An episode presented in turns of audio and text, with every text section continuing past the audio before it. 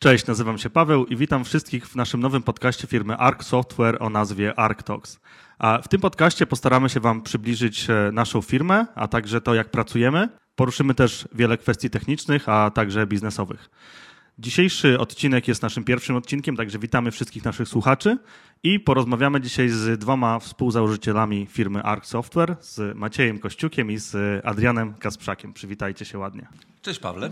Cześć Pawle. Dzisiaj postaramy się skupić na początkach e, firmy Arc Software, kiedy ona powstała, w jaki sposób i jak to się stało, że przez tyle lat, przez które współpracujemy razem, dotarliśmy do tego miejsca, jakie były przeszkody i jak zbudować taką organizację w taki sposób, w jaki nam się to udało. Cofnijmy się teraz do roku 2017, wtedy kiedy powstała firma. Między jednym a drugim piwem zaczęło kiełkować coś nowego. Czy możecie nam o tym więcej opowiedzieć? Prawda jest taka, że wszystko zaczęło się w 2016 roku, e, kiedy poprzez naszego wspólnego znajomego e, udało mi się skontaktować z Maćkiem, który właśnie koło mnie siedzi i mieliśmy zbudować jakąś tam wspólnie aplikację, trochę tak freelancersko e, do opieki nad dziećmi. I tak, tak się poznaliśmy. Tak zaczęliśmy razem działać, ten projekt zaczęliśmy pisać, jakieś POC napisał Paweł, Maciek coś zaczął robić wtedy chyba na iOS-a. Tak, generalnie było kilka projektów w międzyczasie. Mogę też dodać, że zanim poznaliśmy się z Adrianem, to ja, Paweł, Norbert i jeszcze Wojtek, którego serdecznie pozdrawiamy.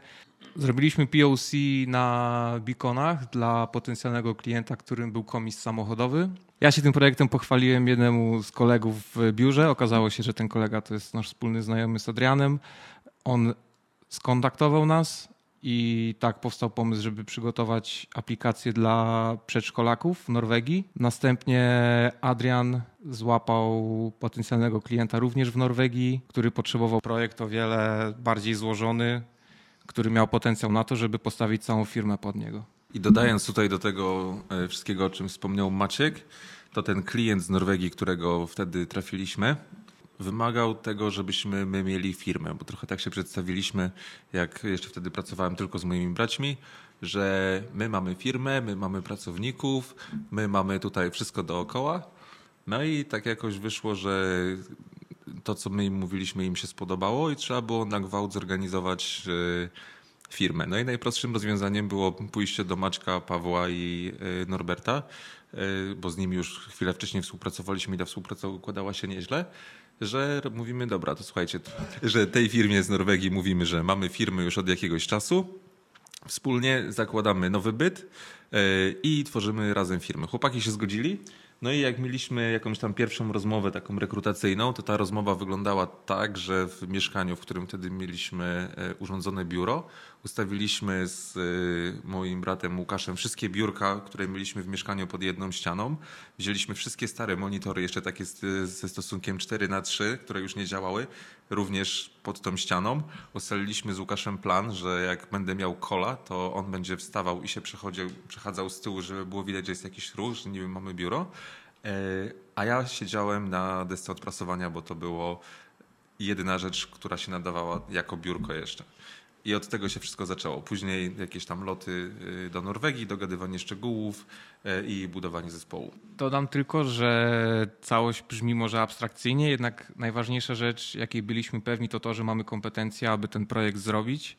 Po prostu wtedy jeszcze nie było takiej potrzeby, żebyśmy musieli mieć całe biuro i otoczkę wokół tego zbudowaną, którą wymagał klient. E, bardzo fajnie się słucha o początkach, ale czy możemy powiedzieć, że założenie takiej firmy oraz to, co się stało, to o czym mówiliście, jest e, w pewnym sensie składową kilku rzeczy, to znaczy przypadku nie ma na to żadnej metody, nie możemy podać złotej rady, e, takiego złotego przepisu dla każdego przedsiębiorcy. Czy możemy powiedzieć, że to jest dzieło przypadku plus kompetencje, które posiadała firma? W tamtym czasie nie było jeszcze firmy, tylko byli ludzie. Jeżeli miałbym dać jakąkolwiek radę komukolwiek yy, odnośnie zakładania firmy, to dobierajcie sobie tak ludzi, z którymi chcecie zakładać firmę, żebyście myśleli wtedy o firmie przyszłej, czy tej, którą już macie, jako o jednym organizmie, a każdy członek zarządu, czy osoba, która z wami współtworzy tą firmę, to jest inna część ciała.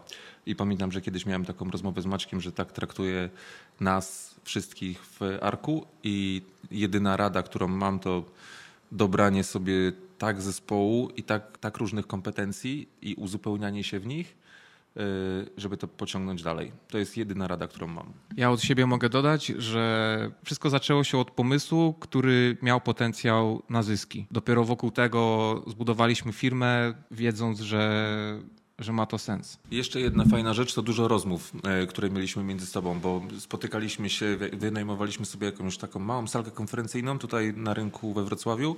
Spotykaliśmy się i rozmawialiśmy, jak widzimy firmę, każdy przygotował jakąś prezentację, co, czego oczekuje i pamiętam na przykład, że padł temat e, od Koziego, że on nie chce robić porno. Że mieliśmy jakieś takie rzeczy, o których dyskutowaliśmy, że ok, a jak się trafi taki projekt, to czy go bierzemy, czy nie. Że staraliśmy się przegadać dużo tych tematów na samym początku, tak żeby później uniknąć jakiejś sesji. E, rozumiem w takim razie, że większość rzeczy oprócz tego porno biznesu była, była zbieżna. Więc tak, e, był moment, w którym okazało się, że należy założyć spółkę, ale firma to, to nie tylko projekt i pieniądze, to przede wszystkim ludzie. Czy pamiętacie pierwszego pracownika, który został zatrudniony? I czy ten pracownik dalej jest z nami, z wami, z nami, z wami? E, tak, oczywiście. I pierwszą osobą, którą zatrudniliśmy w firmie, to był Roman, który jest z nami do dzisiaj e, i któremu bardzo, bardzo dziękujemy za to, że z nami dalej jest, bo gdyby nie on i jego profesjonalizm, bylibyśmy w głębokiej dupie, ale to można wypikać e, niejednokrotnie. I tak, to jest właśnie pierwsze zatrudnienie, które mieliśmy, to był Roman i to było w sumie chwilkę po tym, jak y, ja zacząłem latać do Oslo, nie? Że wydaje mi się, że Roman siedział z nami w tym małym pomieszczonku y, od maja. Tak, warto dodać, że zaczęliśmy od y, przestrzeni coworkingowej. Tam mieliśmy mały pokój, siedzieliśmy w cztery osoby. Do tego właśnie też przyszedł Roman i jego brat Witek, którego też serdecznie pozdrawiamy. Brzmi to bardzo nieprawdopodobnie, ponieważ firma ma już 5 lat, a pierwszy pracownik jest nadal na pokładzie. Tutaj chciałbym się zatrzymać przy tym wątku trochę dłużej. Jak, e, jak się utrzymuje takich pracowników w firmie? Pamiętam z początku naszej rozmowy, że powiedzieliście, że Roman trafił e, do firmy zaraz przy jej początku, więc był pierwszym pracownikiem. Jak to się dzieje, że po tak długim czasie on dalej jest w firmie, dalej ma chęci do pracy i dalej pracuje, brzmi, brzmi to bardzo nieprawdopodobnie i niewiele firm, moim zdaniem, może się pochwalić takim sukcesem. Prawda jest taka, że od kiedy y, założyliśmy firmę, to odeszło od nas nie wiem, cztery osoby, tak mniej więcej, przy aktualnie przy trzydziestu kilku, które już mamy. Myślę, że mm, to pytanie powinno być zadane bardziej Romanowi. My mamy jakiś tam pomysł na to, y, dlaczego tak jest, ale przede wszystkim to jest też y, to, to, co powiedziałem wcześniej, to są rozmowy i słuchanie ludzi tego, i tego, co mają do powiedzenia i tego, czego oczekują. I to jest coś, co zawsze robiliśmy z każdym. Jak ktoś do nas przychodził i stwierdzał w pewnym momencie, że w dupie ma Noda, i chce robić Java, tudzież odwrotnie, to mówiliśmy OK, dobra, to spróbujemy tak to wszystko pokierować, żebyś trafił na taki projekt, gdzie faktycznie będziesz miał okazję to robić. I robiliśmy to z każdą osobą. Nigdy się nie wzbranialiśmy przed tym, jeżeli na przykład ktoś chciał wejść w zupełnie jakąś nową technologię, to dawaliśmy jakieś tam POC, y, które próbowaliśmy robić wewnętrznie, ale przede wszystkim jedyna rada, którą mam, to słuchać tego, co ludzie mają do powiedzenia. Naszym celem od samego początku było to, aby firmę rozwijać, a nie wyciskać z niej jakiekolwiek środki jak cytrynę. Więc y, z tym podejściem długofalowym zgodziliśmy się, że naszym największą, największą naszą wartością są nasi pracownicy. Wobec tego słuchanie ich i współpracowanie z nimi było naszym najwyższym celem. I to jest tak, jak Adrian dobrze powiedział, nie jest do końca pytanie do nas, aczkolwiek patrząc na suche liczby, y, wydaje nam się, że ten cel w dużym stopniu udało nam się osiągnąć. No tak, myślę, że to też jest częścią kultury organizacyjnej w firmie. Oczywiście ten temat jest tematem rzeką, moglibyśmy o tym zrobić osobne nawet kilka podcastów, ale przebywając w biurze Arc Software od razu widać, że nie jest to zwyczajne biuro. Przez część, część pomieszczeń Część biur, część pokoi przemieniona jest na jaskinię piracką. Zostało to zorganizowane na urodziny Arc Software. Szkoda, że tego nie możecie zobaczyć, jedynie usłyszeć o tym. Będąc w biurze, czuję się taką rodzinną atmosferę, nie tylko jeżeli chodzi o same pomieszczenia, ale, ale także o ludzi. Przy zatrudnieniu około 50 osób, e, jak udaje się mimo wszystko utrzymać taką atmosferę, bo firma ciągle rośnie. Zaczęło się od e, kilku założycieli plus jednego pracownika. Po pięciu latach jest tutaj około, poniżej troszeczkę 50 osób, około 50 osób, a daje się wyczuwać i w samym biurze, i w ludziach rodzinną atmosferę. Czy łatwe jest utrzymanie takiej atmosfery? Jak to wygląda od strony technicznej? Prawda jest taka, że z powiększającą się ilością osób jest to coraz trudniejsze do osiągnięcia. Na początku było o tyle łatwiej, że mieliśmy trochę mniejsze to biuro i nie było tak dużo rzeczy wokół do ogarnięcia. Dużą zasługą tego, jak wygląda obecnie biuro, jest praca Adriana i Łukasza. To oni tutaj spełniają się artystycznie, ponieważ warto tutaj dodać, że chłopaki mają artystyczne dusze, tworzą muzykę. Warto prześledzić ich profil na YouTube. Więc, yy, więc pomysły, jakie tutaj są zrealizowane, w dużej mierze są dzięki nim. Teraz, jak mamy więcej osób do pomocy przy aranżacji biura, dalej chłopaki mają bardzo dużą siłę decyzyjną i ich wizja na, na to, aby odtworzyć rodzinną atmosferę w biurze, ich wizja jest tutaj bardzo wyraźna. No tak, ale wspomniałeś troszeczkę o biurze, e, powiedziałeś, co się dzieje wewnątrz, e, jak wygląda budynek, jak wygląda, dlaczego wygląda tak, jak wygląda. A ludzie, bo myślę, że rodzinna atmosfera to nie tylko, nie tylko ściany, nie tylko aranżacja wnętrz, y, którą wykonali Adrian z Łukaszem, ale też ludzie. E, jak to wygląda od takiej strony bardziej socjalnej? Wydaje mi się, że żeby utrzymać rodzinną atmosferę, to musimy dać ludziom przestrzeń do tego, żeby czuli, że mogą być sobą. Dlatego czasami znajdziecie dziwne różne gadżety, jak ktoś by przyszedł do naszego biura i tak się rozejrzał dokładniej, to gdzieś by znalazł jakąś perukę, tutaj by znalazł jakąś kolejkę, tutaj jakieś szoty, inne dziwne rzeczy. E, mamy co prawda dział HR, z czerwonymi i żółtymi kartkami za głupie teksty, ale jednak w dalszym ciągu staramy się robić wszystko tak, żeby ci ludzie mieli tutaj przestrzeń do tego, żeby być sobą i robić to, na co mają ochotę w granicach rozsądku. Janek. A spotkania poza pracą, jak wygląda integracja między pracownikami, między ludźmi, kiedy nie są w biurze, kiedy nie pracują? Jak wygląda użytkowanie na przykład biura albo przestrzeni firmowej poza pracą? Biuro jest y, dostępne dla ludzi poza godzinami pracy, tylko dzięki temu, że nasi współpracownicy szanują tą przestrzeń, dalej to biuro możemy trzymać otwarte. Poza godzinami pracy różne spotkania odbywają się u nas w biurze, od planszówek po turnieje w darta. Poza spotkaniami w biurze umawiamy się na różnego rodzaju imprezy i spotkania integracyjne. Czy można powiedzieć, że oprócz tego, że ludzie, którzy przebywają w firmie są nie tylko pracownikami, ale także znajomymi kolegami, z którymi dobrze spędzać czas poza pracą i to nie są jedynie ludzie, którzy służą do tego, aby wykonywać projekty, aby, aby dostarczać wartość e, intelektualną firmie, ale także, aby z nimi się spotkać, pogadać, pójść na rower, na imprezę, Zdecydowanie tak, bo e, z mojej perspektywy widzę na przykładzie Romana, że mamy jakieś tam wspólne zainteresowania, e, które nas łączą po pracy. Z innymi współpracownikami mam dokładnie to samo, że mamy jakieś wspólne rzeczy, które robimy razem w tygodniu i widzę, że podobne grupki się łączą e, między innymi współpracownikami, jak ktoś tam ze sobą pracuje, czy to są planszówki, czy to jest granie VR-a, E, czy to jest e, granie w piłkę nożną. Widzę, że jest e, tych różnych aktywności naprawdę dużo i te grupki są bardzo różne i ludzie należą tak naprawdę do kilku różnych kółek. Przejdźmy teraz do tematu, o którym już wcześniej wspomnieliśmy. Z małej firmy Arc Software stał się firmą, która zatrudnia około 50 osób i w końcu był taki moment, w którym ta granica została przekroczona z, ze startupu, z małej firmy z jednym pracownikiem do większej firmy, które, którą spokojnie możemy nazwać e, mikro i średnim przedsiębiorstwem, patrząc na nomenklaturę w polskim prawie. E, kiedy to się stało, jak wyglądała taka, taka przemiana i czy ona była odczuwalna w firmie?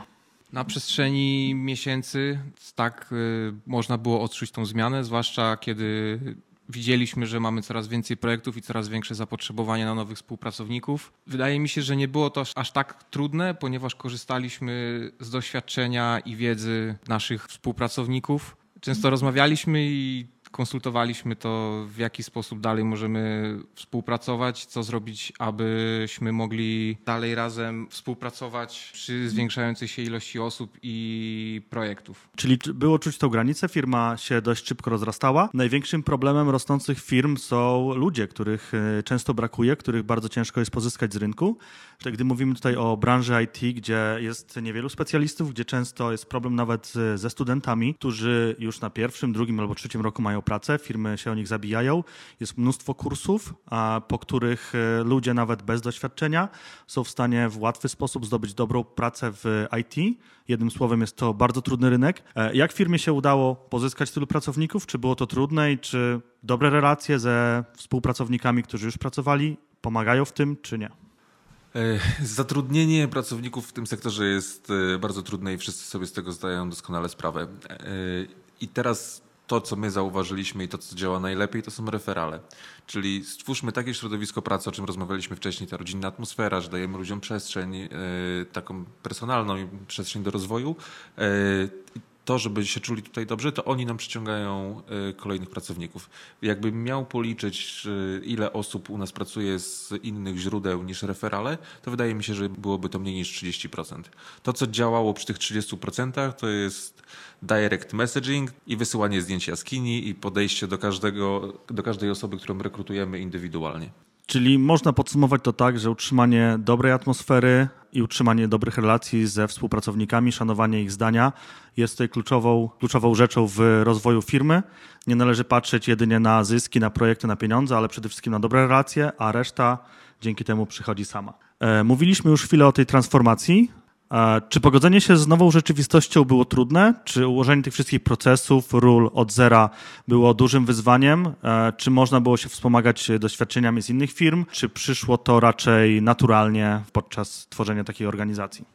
Mieliśmy o tyle szczęścia, że te rzeczy przychodziły do nas naturalnie. Każde nowe wyzwanie, jakiego się podejmowaliśmy, było rozwiązywane całkiem naturalnie przy współpracy z naszymi współpracownikami. No dobrze, a gdybym zapytał teraz o takie największe zaskoczenie, największą trudność i może też największy sukces w ciągu tych ostatnich e, pięciu lat, co, co byście wymienili jako takie, takie główne? Wrócę znowu do tego samego. Największy sukces, który osiągnęliśmy, to jest e, to, że mamy tyle fajnych osób na pokładzie. Nie żadne projekty, ani nie to, e, co osiągamy pod względem technologicznym czy firmowym, tylko przede wszystkim to, jakie nawiązaliśmy relacje. A jeżeli chodzi o największe, co to było, wyzwanie, tak? E, zaskoczenie. Zaskoczenie, największe zaskoczenie? Jakie to jest kurwa łatwe. Bo to jest naprawdę rzecz, która na początku, jak zaczynaliśmy, wydawało mi się, że może nas to w pewnym momencie przerosnąć, a teraz z perspektywy tych pięciu lat uważam, że to jest łatwe, intuicyjne, jeżeli ma się właściwe podejście. To jeszcze muszę zapytać o jedną rzecz. Największy fuck up. Możemy mówić o twoich? O wszystkich. Największy fuck up? Największy fuck up dopiero przed nami. Największego fuck upu jeszcze nie było, no to, to, to znaczy, że... To znaczy tak, to tak. No w takim razie życzę, żeby go, żeby go nie było. I tutaj już wspomniałeś e, o tym, że to było bardzo proste, więc e, może, może nawiążę do tego. W takim razie, jaka jest taka złota rada dla osób, e, czy w ogóle taka istnieje, dla osób, które chcą wejść w branżę IT jako przedsiębiorcy, chcą założyć swoją firmę, ale jeszcze się wahają lub nie są, nie, wahają lub nie są pewni, czy to jest dla nich, czy to jest to, co chcą robić, patrząc na wszystkie plusy i minusy. Ze swojej strony mogę powiedzieć, żebyście otaczali się ludźmi, z którymi chcecie na co dzień przebywać przynajmniej te 8 godzin dziennie, z którymi czujecie się swobodnie. No i oczywiście, czy warto, czy nie warto, jeżeli macie pomysł i wstępne kalkulacje wam się spinają oraz konsultowaliście z kimś jeszcze ten pomysł, jak najbardziej warto. Jak nie konsultowaliście i wam się to na papierze też nie spina, to i tak warto, bo jeżeli będziecie mieli tych ludzi, o których Maciek wspomniał, bo ta pierwsza część jego wypowiedzi to dosłownie chciałem powiedzieć to samo, że złota rada to jest z, z, mojej strony to, żebyśmy, jeżeli wy też byście pracowali w tej branży i byście próbowali zakładać software house, to otaczajcie się najlepszymi ludźmi, jakimi możecie. I to nie tylko pod względem właśnie techniczno-technologicznym, tylko na tej miękkiej sferze też, żeby to się fajnie spinało. E, no dobrze, dochodzimy do końca naszego pierwszego odcinka naszego podcastu e, firmy Arc Software. E, dziękujemy Wam za wysłuchanie, dziękuję Wam za rozmowę, Maćku i Adrianie. Mamy nadzieję, że Wam odcinek się podobał i zapraszamy na kolejne serie. Już w kolejnych odcinkach porozmawiamy bardziej technicznie z naszymi pracownikami oraz przybliżymy Wam bardziej strukturę naszej firmy oraz to, w jaki sposób pracujemy. Dziękujemy bardzo i zapraszamy. Dziękujemy. Dziękujemy.